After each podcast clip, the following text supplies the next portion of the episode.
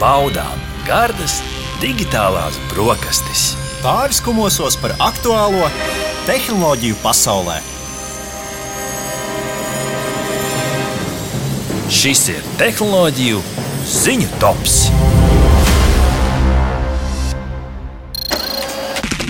Ziņa numur viens. Pirmā ziņa digitālajās brokastīs, manuprāt, ar vislielāko aktualitāti. Šobrīd gan aiz logas sals un sniegs, līdz ar to varētu šis, ne, nu, tas jau šobrīd nav aktuāli, bet ticiet man, pavasaris te pateiks stūra, un pavasarī visticamāk mēs pāriesim uz jau mazākiem, ašākiem, vidēji draudzīgākiem transporta līdzekļiem, piemēram, pāriesim un brauksim ar elektriskajiem skrējriteņiem. Un no šī gada 1. janvāra ceļu satiksmes likums paredz, ka ikvienam, kurš iegādājas iegādājas elektroskrējēju vai velorīkšu, tas ir obligāti jāreģistrē. Tāpat pie tā konstrukcijas jābūt pielīmētai valsts reģistrācijas uzlīmē, par to stāsta portāls TVNet. Likums arī paredz, ka jau īpašumā esošie augstāk minētie transporta līdzekļi ir jāreģistrē līdz 31. martam. Rihard, kā ar tevi? Paspēji jau! Nē, es vēl neesmu paspējis. Nu, katrā ziņā tev vēl ir laiks. Tie, kam ir jau šis transporta līdzeklis, jau viņu īpašumā līdz 31. martam, jūs varat savu elektroskērteni pieregistrēt, uh, jo pēc šī datuma nereģistrētie braucamie nedrīkstēs piedalīties ceļu satiksmē. Pretējā gadījumā vienkārši var nākties ar to, ka policija jūs apstādina, paprasa, kur tad jūsu reģistrācijas numurs. Ja tā nav, tad ir jārēķinās ar sodu. Vienlaikus norādīts, ka velospēda reģistrācija joprojām ir brīvprātīgi. To var darīt, bet eh, par to sodu pagaidām eh, neliek. Un varētu būt jautājums, kā Kā tad savu elektroskēreteni pieregistrēt? To var darīt vai nu jebkurā CSDD klienta apkalpošanas centrā, izņemot, protams, tehniskās apskates stācijas, vai arī pavisam ērti ECSDD LV, tas ir CSDD elektroniskais portāls, un tur arī, starp citu, ir skaidrojums, ko tad var pieregistrēt šajā kategorijā. Citēju, elektroskēretenis ir ar elektromotoru aprīkots transporta līdzeklis, kura konstrukcijā paredzētais maksimālais ātrums nepārsniedz 25 km/h. Šis ir būtiski, jo dažkārt cilvēkiem patīk tie ļoti jaudīgie elektroskrējēji, un šim skrējējam nevar būt pedāļi. Tas ir paredzēts vienam cilvēkam un ir aprīkots ar stūri vai roku balstu, kas ir mehāniski savienots ar kāju atbalsta virsmu. Citāta beigas. Nu, protams, te ir jautājums, kurš var pieregistrēt sākot no 16 gadiem. Tā kā pavisam mazajiem vēl pagaidām viņu mazie trīsriteņi, trīsriteņi skrējēji, tie vēl nav jāreģistrē. Jā, nu es tikai no savas puses pie, piebildīšu, ka CSDD ir arī norādījuši, kādus elektroskrējējiņus tie nereģistrē. Tātad, ja nav izgatavotāja piešķirtā sērijas vai produkcijas numura, nu tad, ja būs paštaisītais no trubām sametinātais. Jā, ja būsiet paši arī nokrāsojuši, droši vien tā, ka to numuru nevar redzēt, tā arī visticamāk varētu būt problēma. Um, tad, um, tā tad ir jābūt arī pieejamiem datiem, publiski pieejamiem datiem uh, par, par tehnisko uh, pusi. Uh, tātad izgatavotāji sagatavot šī informācija. Um, tāpat, uh, protams, nevarēs to reģistrēt, ja tas būs reģistrēts jau kādai citai personai. Un, un, un, protams, saistīti ar šo, ja kāds būs ziņojis, ka konkrētais kreditors ar šo numuru ir nozagts, tad, protams, arī uh, nevarēs reģistrēt, kas, kas protams, absolūti pašsaprotami. Uh, par uzlīmi, starp citu, papētīja, tā arī šo to maksā. Ja brauksiet klātienē, tad sanāks nedaudz dārgāk. Šķiet, ka virs, nedaudz virs 8 eiro, cik mēs izpētīju to cenu rādu. Savukārt, ja visus datus par kreditiem meklēsiet pats un ievadīsiet ECSDD sistēmā, nu, tad uzlēmums saņemsiet pa pastu. Un tas kopā ir nedaudz virs 6,50 eiro. Bet ir viens bet. Šķiet, ka ir jāgaida, kad tiks pieņemti grozījumi MK noteikumos, lai šis e-pakalpojums, ko Arts arī minēja, uzsāktu darbu. Šķiet, ka pagaidām vēl tas ir nav pieejams. Bet, jā, arī piezīme, ka uzlīmuma šī elektroskreitiņa rāmja līmējuma tādā viegli redzamā un pieejamā vietā, protams, un ļoti svarīgi, lai netiktu bojāts vai izlocīts svītru kods. Un ir arī pieminēts tas, ka, ja gadījumā redzat, ka tā uzlīme ir nolietojusies, nu, tad arī ir, vai, protams, arī pazaudēta, tad jaunu uzlīmu būs nepieciešams pieteikt. Nu, visdrīzāk, ka tajā brīdī jau caur darbojošos ECSDD platformu arī attiecībā uz šo te, funkciju. Nu, tā, tā kā jums vajadzēs pasta kastītes, kur tad to uzlīmi nosūtīt. Ziņa numur divi. Aizdītais gads joprojām šķiet, ka tiek aplēsts dažādos aprēķinos, prognozēs, statistikās, un e, tas arī tiek darīts e, vietāluņu kategorijā. Šeit kāds e, interesants pētījums no mārketinga pētījuma firmas Counterpoint. Te, protams, viss ir jāņem ar tādu, kā latvieši saka, pudu sāls, nedaudz, protams, ar skepsi un, un loģisko domāšanu, bet paskatīsimies, kādi skaitļi tad viņiem ir apkopoti par 2000. 2023. gadu.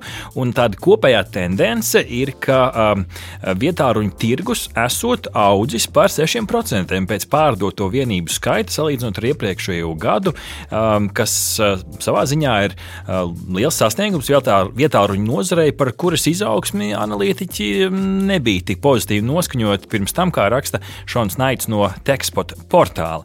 Uh, Counterpointā prēķina un prognozes izkristalizē lielāku pieprasījumu tieši pēc prēmijas prēmiju kategorijas vietāruņiem, jeb teju katrs ceturtais jaunais nopirktais vietārunis esot bijis no dārgākā prēmiju segmenta. Aptuveni eh, patiesībā 60% ienākumu no vietāruņu eh, pārdošanas 60% vietālu ražotājiem ir tieši no šiem prēmiju vietāluņiem, nu, kas, protams, loģiski prēmiju maksā dārgāk, varbūt pārdod nedaudz mazāk, bet joprojām summa diezgan liela. Un vecākais analītiķis Varons Miša no Counterpoint skaidro, ka nu, tas jau laikam tikai loģiski, ka šie prēmiju vietāluņi ir pieprasītāki, jo ja mēs paskatīsimies, ja mūsu ikdienā viņa loma ar vienu pieaug, un tā, es gribētu apgalvot, ir galvenā ierīce, kas mums ir blakus katru dienu. Līdz ar to cilvēki ir gatavi nedaudz vairāk investēt šajā tehnoloģijā. Un šeit, Rihard, interesanti, nu es nezinu, vai tiešām šis sadalījums ir patiess. Jūs, dārgie klausītāji, arī varat izvērtēt, un varbūt jums ir cits viedoklis. Um, bet uh, Counterpoint aplēses, tātad te ir aprēķins un aplēses, jo, protams, gada pēdējais ceturksnis vēl ir jāsavēl kopā. Eh, bet, eh, eh, nu, Rihards Mini, kurš tad pēc viņa aplēsēm ir numur viens zīmols pēc pārdoto jauno vietālu skaita aizvadītajā gadā? Nu, zinot, ka ASV ir nozīmīga tirgus daļa un to, ka tur, man liekas, reti kurš uzskata par normālu telefonu kaut ko citu, kā Apple, tad es minēšu, ka tas ir Apple, kurš, kurš varētu būt līderis. Bet nu, es gribētu cerēt, ka citi minus papēžiem. Trāpīts desmitniekā. Trāpīts desmitniekā pēc viņa aplēsēm 71% tirgus daļa ir Apple jaunajiem vietāruņiem. Tam gan seko Samsung ar pieaugošu tendenci 17%.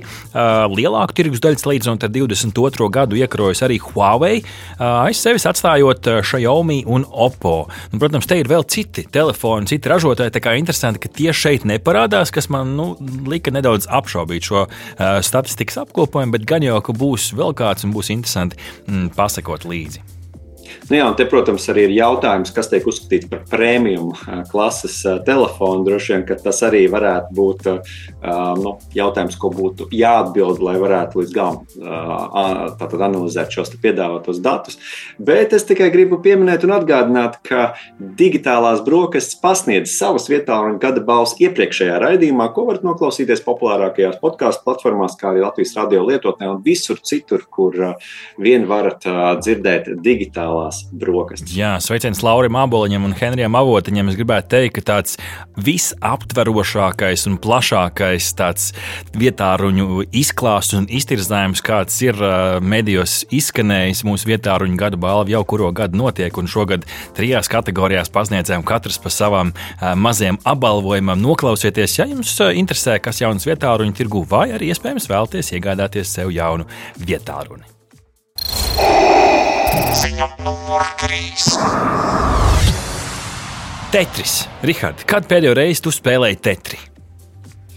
Manuprāt, eh, burtiski pirms pāris mēnešiem, ja man te viens tāds tetra aparāts mētājs riņķī un eh, bērns eh, ik pa laikam viņu ieslēdz, tad man šķiet, ka bija, bija kāds laiks atpakaļ, ka es pat uh, apsēdos un mēģināju saprast, kuras pogas ko dara. Nu, to jau bija piemirsis. Mūsdienās tetris ir dzīves. Arī dažādās izpausmēs un variācijās. Es, piemēram, spēlēju tādu spēli kā Block Blast, kas ir kaut kas līdzīgs tetrim.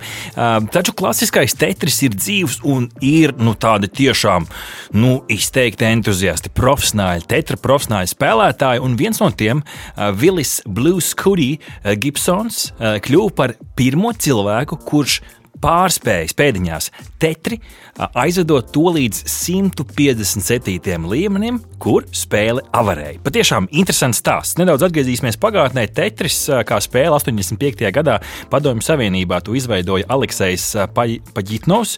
Tā ātri kļuva par globālu fenomenu un tika pārnest uz neskaitāmām platformām. Spēli vienkārši, protams, iemācīties, bet grūti tā nu apgūt līdz galam, jo spēlētājiem ir jāpagriež un jānomet bloki spēles laukā, veidojot pilnīgas horizontālas līnijas, kur tās pazūd. Un spēles mērķis, protams, ir notīrīt pēc iespējas vairāk līniju, pirms spēles laukums ir aizpildīts, kad, protams, ir spēles beigas. Nu, ar ko tad ir tik īpašs un interesants šis vilis sasniegums? Tetris spēles ātrums ar katru līmeni pieaug, un pie 29. līmeņa tas kļūst nemainīgs. Līdz ar to ilgu laiku, patiesībā 80. un 90. gados, tika uzskatīts, ka 29. līmeni pārspēt nevar. Izrādās, ka var. Kur tas sarežģījums, tās figūras vienkārši tik ātri krīt, ka tās nevar nobīdīt līdz mala, malējām, malējiem sāniem, un tur ātri spēle arī beidzās. Bet to 2011. gadā pārspēja Tors Akerlunds, kurš ar pirkstu tādu kā vibrēšanas metodi, turot uh, uh, pirkstus pogām, tos vibrēja, ko sauc par hypertapping uh, metodi. To iemācījās, un līdz ar to figūras varēja aizbīdīt līdz sāniem, kas pavēra jaunu pavērsienu šajā nu, kulta spēles spēlēšanā. Bet šeit tāds ne, neapstājās. Profesionālais tetra kopienas ir nu, patiešām tādas entuziastisks, ir pat turnīri, un šie spēlētāji bija izvirzīti nu, šo spēli nospieduši līdz absolūtai nu, tās, spēju robežām ar šo hypertapping metodi. Un ar laiku parādījās metode, ko sauc par pirkstu virpināšanas tehniku, jeb rolling, kur spēlētāji tur pirkstus uz šīm pogām un tos līdzīgi tā virpina par tām, nedaudz vēl gūstot tādu pogu spaidīšanas priekšrocību. Un tas ļāva, piemēram, spēlētājiem ar niknējumu Cheese sasniegt jaunu 40. līmeni. Un tiklīdz šī jaunā te tehnika, kā pogas spaidīt, tika apgūta, tā ar vien jauni un jauni rekordi krita. Līdz brīdim, kas ir interesanti, kad spēle sasniedz tās tehniskās robežas, vienā brīdī katru reizi jaunā līmenī tiek ģenerēts cits krāsu kodiņš, kā tie bloki izskatās, un vienā brīdī spēle salūza. Šie bloki sāka nākt lejā ar melnu viducīti, līdz ar to tā robežas bija knapi saskatāmas, kas radīja jaunus, jaunus sarežģījumus, bet, nu redz kā, Vilis sasniedz 157. līmeni, un tur šī spēle uzkārās. Viņa var uzkārties dažādās vietās, vienkārši šīs ierīces arī ir vecas, kurām viņi spēlē. Tie nav kaut kādi mūsdienu superjaudīgie datori, bet nu, 157. ir jaunais standarts. Kas, starp citu, interesanti, ir, protams, radīts arī programmatūras, kas šo spēli spēlē. Tas gan īsti neskaitās, bet nu, dators to ir aizvedis līdz 235. līmenim, kur tā arī uzkārās. Nu, lūk, kāds ieskats šajā nišīgajā, bet uh, spēlē, ko iespējams mēs katrs kādu reizi esam spēlējuši. Jā, es arī klausītāju iesaku, ja ir brīvs brīdis, ieskatīties kādos video, kur cilvēki sacenšas spēlējot tetri, un tur arī var redzēt tās roku kustības. Nu, tas tiešām ir neticami, ko cilvēki var ieguldot savu laiku šādā video spēlē sasniegt. Starp citu, portāls Apollo arī rakstot par šo notikumu, norāda, ka tetris tiek uzskatīts par visu laiku pārdotāko video spēli. Mm. Kopš 1984. gada pārdoti 250 miljoni šīs spēles kopija. Uh, starp citu, spēle daudzos variantos, kā jau Arts arī minēja, ir, ir, ir pielāgota gandrīz visām datoropērētāju sistēmām, datorspēļu konsolēm, kā arī nu, dažām dažādām citām ierīcēm. Nu, te tas ir redzēts viskaur kur. Nu, te tiek pieminēti grafiskie kalkulatori, protams, mobile tālruņi, bet es šķiet pat televizorā esmu arī kādreiz sen, sen atpakaļ spēlējis šo spēli. Uh, un, protams, spēle ir iegūsta arī dažas dažādas apbalvojumus, tā skaitā atzīta kā visu laiku dižākā video spēle. Bet, nu, protams, šie apbalvojumi um, mēdz atšķirties, un, un katram var būt savs fokus. Bet uh, nu, ir arī tādi, kas šo ierindo kā pašu, pašu uh, labāko vai veiksmīgāko video spēli. Ziņa numur 4. Šogad ASV uh, lauksaimnieki izmēģinās kaut ko interesantu. Novietot saules paneļus nevis kā tas ierasts redzēts slīpi pret sauli, lai vairāk enerģiju no tās gūtu, bet gan vertikāli. Uh, sienai līdzīgais novietojums paver iespēju gan ražot elektrību, gan reizē nepazaudēt šo uh, vietu, kur audzēt dažādus, dažādu ražu. Par to stāsta Henrijs Avotiņš portālā Kursors. Koncepts, kuram gan šobrīd nesot latviskais termins pieejams, agri-voltex nozīmē mm, to, ka šos paneļus novieto vertikāli. Šo zemi var izmantot lauksaimniecībai, protams, ar atsevišķiem mīnusiem, jo skaidrs, ka tas nav pavērsts visu laiku pret sauli, tad kādā brīdī iegūms var būt mazāks, bet toties tos paneļus liekot apusēji. Līdz ar to abās pusēs šīm sienām, un rezultātā traktori un kombaini var braukt starp šīm sienām, un tas iegūms iespējams pat ir labāks nekā iepriekš. Var sēt dažādas dažādas kultūras šajos laukos. Pirmais mēģinājums būs Vermont, Vermontas štatā, kuras vienas līnijas atradīsies 69 paneļi, un vairākās līnijās tie būs novietoti 9 metru attālumā viens no otra. Tā kā varbūt, Rihard, ka kāds lauksaimnieks klausās šobrīd digitālās brokastis un saka, klau, nu beidzot, tad es varētu izmantot gan savus laukus, gan ražot to vajadzīgo elektrību savai saimniecībai. Interesanti ideja, ko tu saki par to? Uh, nu, katrā ziņā svarīgi, lai, lai tā elektrība ir gan liela cena un, un tās investīcijas tiek atpelnītas. Jo beig, beigās tas, protams, ir arī uh, biznesa. Uh, un vēl svarīgāk, man liekas, ir tas, ka mm, svarīgi, lai tad, kad tās saules baterijas beidz savu dzīvi, lai viņas ir kur nodot un pārstrādāt. Bet tas jau droši vien ir vesela cita raidījuma stāsts. Bet šķiet, mēs, mēs arī digitālās brokastīs iepriekš jau ziņojām par mēģinājumiem saules paneļus ieklāt starp dzelzceļa sliedēm un, un vēl dažādiem veidiem, kā izmantot visu brīvo vietu, lai ražotu papildus enerģiju. Un, ja mēs runājam par uzņēmējiem, tad arī Latvijā pēdējā laikā arvien vairāk dzirdam, ka uzņēmumus saviem ražošanas cehu vai, piemēram, tirdzniecības telpu jumtiem vai arī citās brīvajās teritorijās izvieto uh, saules paneļus. Uh, vairāk lielu uzņēmumu un arī ostas teritorijās un tā tālāk. Uh, par to arī šogad jau ir dzirdēts. Ziņa numur 5. Kā spēļām digitālo brokastu 2023. gada atskatu raidījumu sērijā, kur runājam arī par video spēlēm, tad aizdītais gads bija ļoti ražants. Video spēlēm iznākot daudz jaunām, skaistām video spēlēm, kas aizrū, aizrāva kā lielus, tā mazus. Um, dažādās platformās uh, gadu mijā uh, tiek teikts apkopot, kas tad ir bijis piektākais, populārāk, populārākais un tā tālāk, bet nu, daudz gan jau piekritīs, ka uh, PC is the master race, jeb datoru video spēļu spēlētāji ir pārākie, par ko gan iespējams iebildīs konsoļu spēlētāji. Bet, lai kā arī būtu, konsoli spēlējot video spēles uz datoru, bieži vien tālāk nāk Steam video spēļu platforma, kur var iegādāties spēles, dāvināt tās un tā tālāk. Un, līdz ar to šī platforma izpelnījusies lielu popularitāti, un līdz ar to vērā ņemams ir to ikgadējais apkopojums. Viņi apkopo spēles pēc to ienesīguma, tās neatklājot gan konkrētas vietas un cik daudz nauda ir apgrozīta, eh, viņi izvēlās dalīt tās kategorijās. Un varam ieskatīties, kas tad ir top divi eh, kategorijas. Rihard, interesanti paklausies, varbūt kādu spēli ir spēlējis no šīm eh, platīna kategorijā. Ierindojušās Destiny 2, Starfield,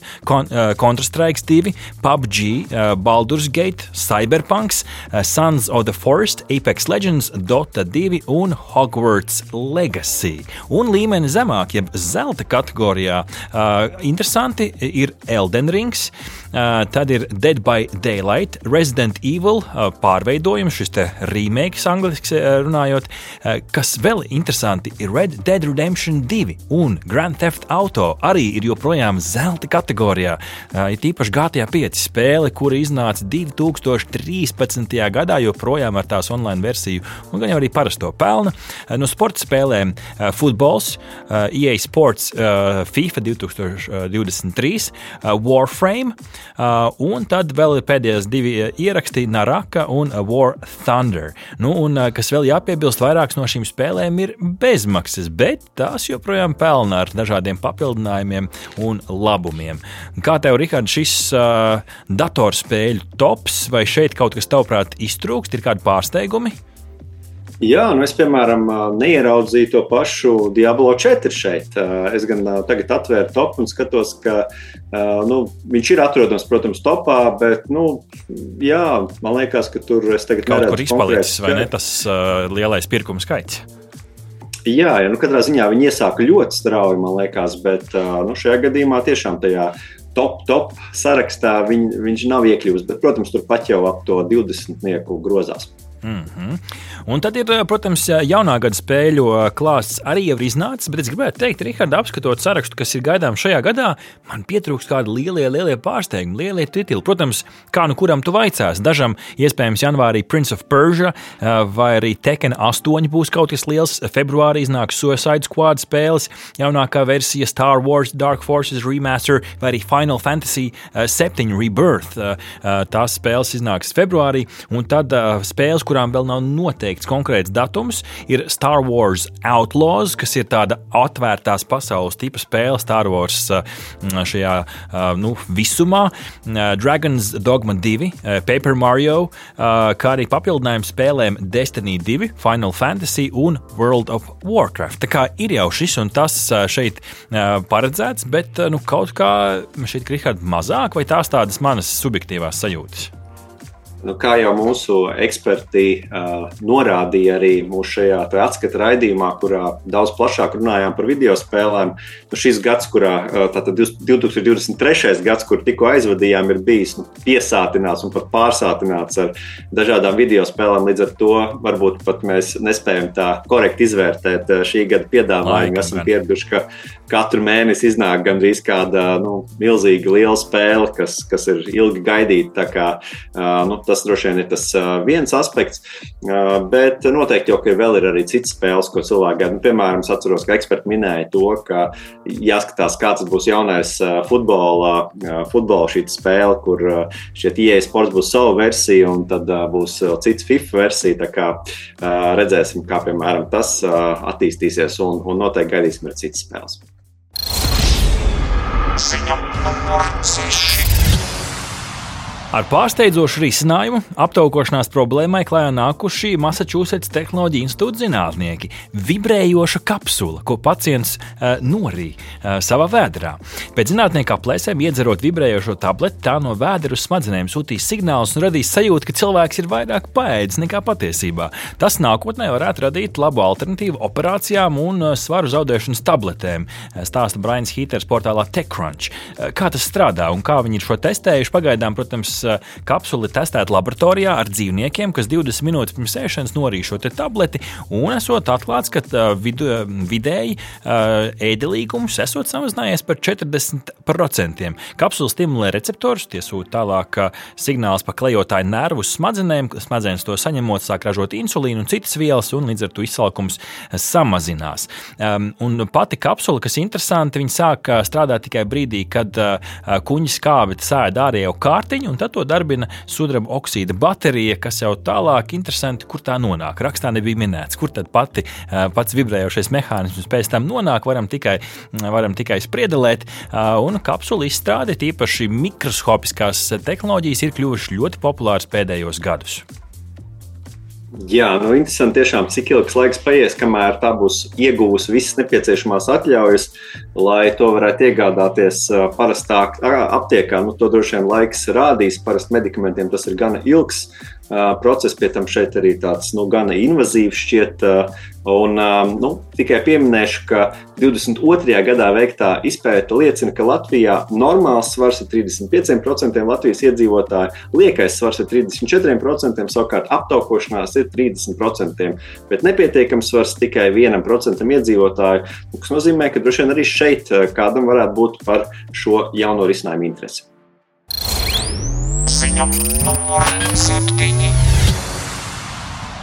Jauns gads, jauns piedāvājums elektroautorāta segmentā no Xiaomi, Toyota un NIO. Ar ko interesanti eh, Xiaomi, kas līdz, tim, līdz šim Latvijā ir bijis vairāk zināms kā vietāruņu un uh, nu, gudro mājas tehnoloģiju zīmols, 24. gadā viņi plāno izlaist tā pirmo elektroautorātu SU7. SU nozīmē Speed Ultra, kas ir atbilstošs šai mašīnai. Rikard ieklausies no 0 līdz 100 2,78 sekundēs, praktiski tev iespiež sēdeklī un vēl tālāk. Automašīna vizuāli atgādina Tesla Model S vai arī Porsche Taycan veikumu. Xiaomi sola iespaidīgu 800 km nobraukumu ar vienu uzlādi. Automašīna, protams, aprīkot ar dažne dažādām tehnoloģijām, par kurām šodien pat nav laiks parunāt, un tā skaitā arī mākslīgā intelekta komponenta ērtākai braukšanai. Tad mūsu platumgrādos iespējams vairāk dzirdēts ir ražotājs NIO, kas arī šur un tur Eiropā ir atpazīstams ar tās baterijas nomaiņas stacijām. Viņi prezentējuši luksusa klases elektroautorātu ET9, kur, protams, arī uzlabots akumulators mašīnai līdz pat 600 kW ātrai uzlādēji. Ar šo var uzlādēt līdz pat 120 kW un 5 minūtēs automašīnu uzlādēt līdz pat 260 km no šiem kopējiem nobraukumiem, kas ir diezgan iespaidīgi, bet, protams, kā minēju, šīs firmas, firmas zīme ir nomaināmie akumulatori, kas arī būs šajā automašīnā, kā stāsta Mārcis Bergs no portāla Cursors. Un visbeidzot, Toyota Eiropas tirgumu ir pieteicis kā koncepta auto pagaidām kompakto Urban SUV automašīnu, kas būs laikam savā ziņā turpinājums Jāris Cross, tikai pilnībā elektrisks. Un pircēji varēs izvēlēties divu dažādu akumulātoru ietilpību atkarībā no viņu vajadzībām. Par to visu sīkāk varat lasīt kursorā. Jā, nu es tikai ielikšu kādu jautājumu visā šajā uh, tēmā, jo man šķiet interesanti, kā dažādi politiskie aspekti ietekmēs Ķīnas elektroautorāta ienākšanu rietumvalstīs. Un vai redzēsim līdzīgas tendences kā ar vietāluņiem? Īpaši runājot par kaut kādām autonomās braukšanas tehnoloģijām. Ziņa numur 8. ASV ielās lēnām sāk parādīties Tesla Cybertruck, kas, protams, ir skaists notikums, bet pirmais mazais pleķītis uz šīs zīmola stāsta. Nu, te gan nav vainīgs Cybertruck. Tas ir iekļuvis pirmajā auto satiksmes negadījumā. Pirmajā avārijā Cybertruck saskinoties ar Toyota Corolla. Un šeit uz futuristiskās automašīnas liktās cerības savā ziņā attaisnojās, jo tai bija tikai pāris skrambiņas, un, protams, izšauti šie gaisa drošības spilveni. Uh, un Toyota Corolla gan bija daudz, daudz uh, sašķaidītāka, bet te gan vairāk stāsts par to, kas tad notika. Jo ne jau uh, Cybertruck bija vainīgs, tas nesot bijis autopilotu režīmā, arī tā skaitā vienkārši Toyota Corolla vadīja 17 gadus veca persona, kur laikam automašīna nesavaldīja, iebrauca sākumā malā, laikam tādā zemes grāvja mm, izvirzījumā, un pēc tam ietriecās atpakaļ ceļā, pārbaudas pāri dubultai joslai un uztriecās virsū Cybertruck, bet nu, šeit ir pirmais ķeksis. Arī šī automašīna ir iekļuvusi avārijā, bet nu, šie te, uh, dzels uh, ķermenis, tā teikt, cietais ķermenis, varētu teikt, ka ir nostrādājis par labu šai mašīnai. Jā, nu, kāpēc šī ziņa ir iekļuvusi top 10 vai ne? Jo par Cybertruck šķiet, ka Maska kungs ziņoja jau 2019. gadā, ja man atmiņa neviļ. Nu, tad, vien jāsaka tā, ka tā ražošana ir stipri, stipri iekavējusies un izskatās, ka tā nav arī kompānijas pirmā prioritāte. Tāpēc tiem, kuri šobrīd piesakās rindā uz šo auto, var nākties gaidīt vairākus gadus. Turklāt tas viss ņemot vērā faktu, ka vismaz ASV pikaps patiesībā ir ļoti, ļoti populārs modelis. Un nu, tāda masu ražošana varētu varētu sākties tikai šogad, līdz ar to vai nu jūs ļoti bagāts, vai esat jau ļoti, ļoti sen pieteicies šai mašīnai. Pretējā gadījumā maz iespēja, ka jūs pie tās gan ātri tiksiet. Un daži saka, ka esot jau epajā manīts iespējas nopirkt ātrāk šo kārtas numuriņu, bet nu, pirmkārt es aicinātu uz to neuzķerties, un otrs, Elonas Masks ir solījis brangi sodīt visus šādus te, uh, rindas pārkāpējus. Ziņa numur Música Trīs lielākie kameru ražotāji pasaulē, Nikon, Sony un Canon, ir eh, strādājuši pie deepfake, jeb viltoto fotografiju atpazīšanas, eh, kas ir eh, jaunā lielā problēma fotogrāfu un tās autentiskuma nozarē. Un šeit viņi lietā liek pašas fotokameras, kuras turpmāk digitāli iestrādās fotografijās informāciju par tās uzņemšanas, attiecīgi datumu, laiku, vietu, varbūt pat fotogrāfu identitāti. Un šādā veidā, kas interesanti, varēs nākotnē atšķirt, kura bilde tad ir īsta un kura ir mākslīgā intelekta veikums. Starp citu, Fabio Mojoli, Forbes tehnoloģiju padomas valdes loceklis, savā rakstā izceļ, ka 2024. gads būs deepfake, jeb dziļviltojuma gads, kas pamatā saistīts ar ģeneratīvā mākslīgā intelekta tehnoloģiju pieejamību plašākai publikai. Turklāt šogad plānojas vairākas nozīmīgas vēlēšanas, kurās tas varētu būt īpaši aktuāli. Prieks, ka, prieks, ka arī šo fotokameru ražotāju domā, kā risināt šo smago problēmu. Ziņa numur desmit. Un noslēdzošā ziņa digitālais birokratīs varbūt vairāk kā atgādinājums par savu kiberhigiēnu un piesardzību. Šeit eh, stāsts par Google un eh, tās pārlūku programmu Chrome. 20. gadā pret Google tika celta apsūdzība par to, ka tā inkognito režīmā, jeb šajā nu, nosacīta slepenajā uh, sērfošanas režīmā, joprojām izseko lietotājus un to datus jau izmanto tālāk reklāmu servēšanai. Un šo te, protams, kāds acīgs cilvēks bija atklājis, un pat Google ir ies, iesūdzēta tiesā, un Google pēc trīs gadu tiesas darbiem ir nu, padevusies, piekritusi, var izdomāt, ka vieglāk būs samaksāt prasīto naudu, kas ir diezgan branga - 5 miljardi dolāru. Nu, šis tikai mazs atgādinājums. Domājam līdzi, ko mēs darām, kur mēs spiežam internetā, kādas saites varam vaļā, jo skaidrs, ka viss, ko jūs izdarāt internetā, kaut kur tomēr jūsu pēdas paliek. Paldies, ka brokastoji kopā ar mums! Patika! Spied laiku, atstāja komentāru, izcilu vērtējumu vai padalies ar draugiem! Veseli ēdošie!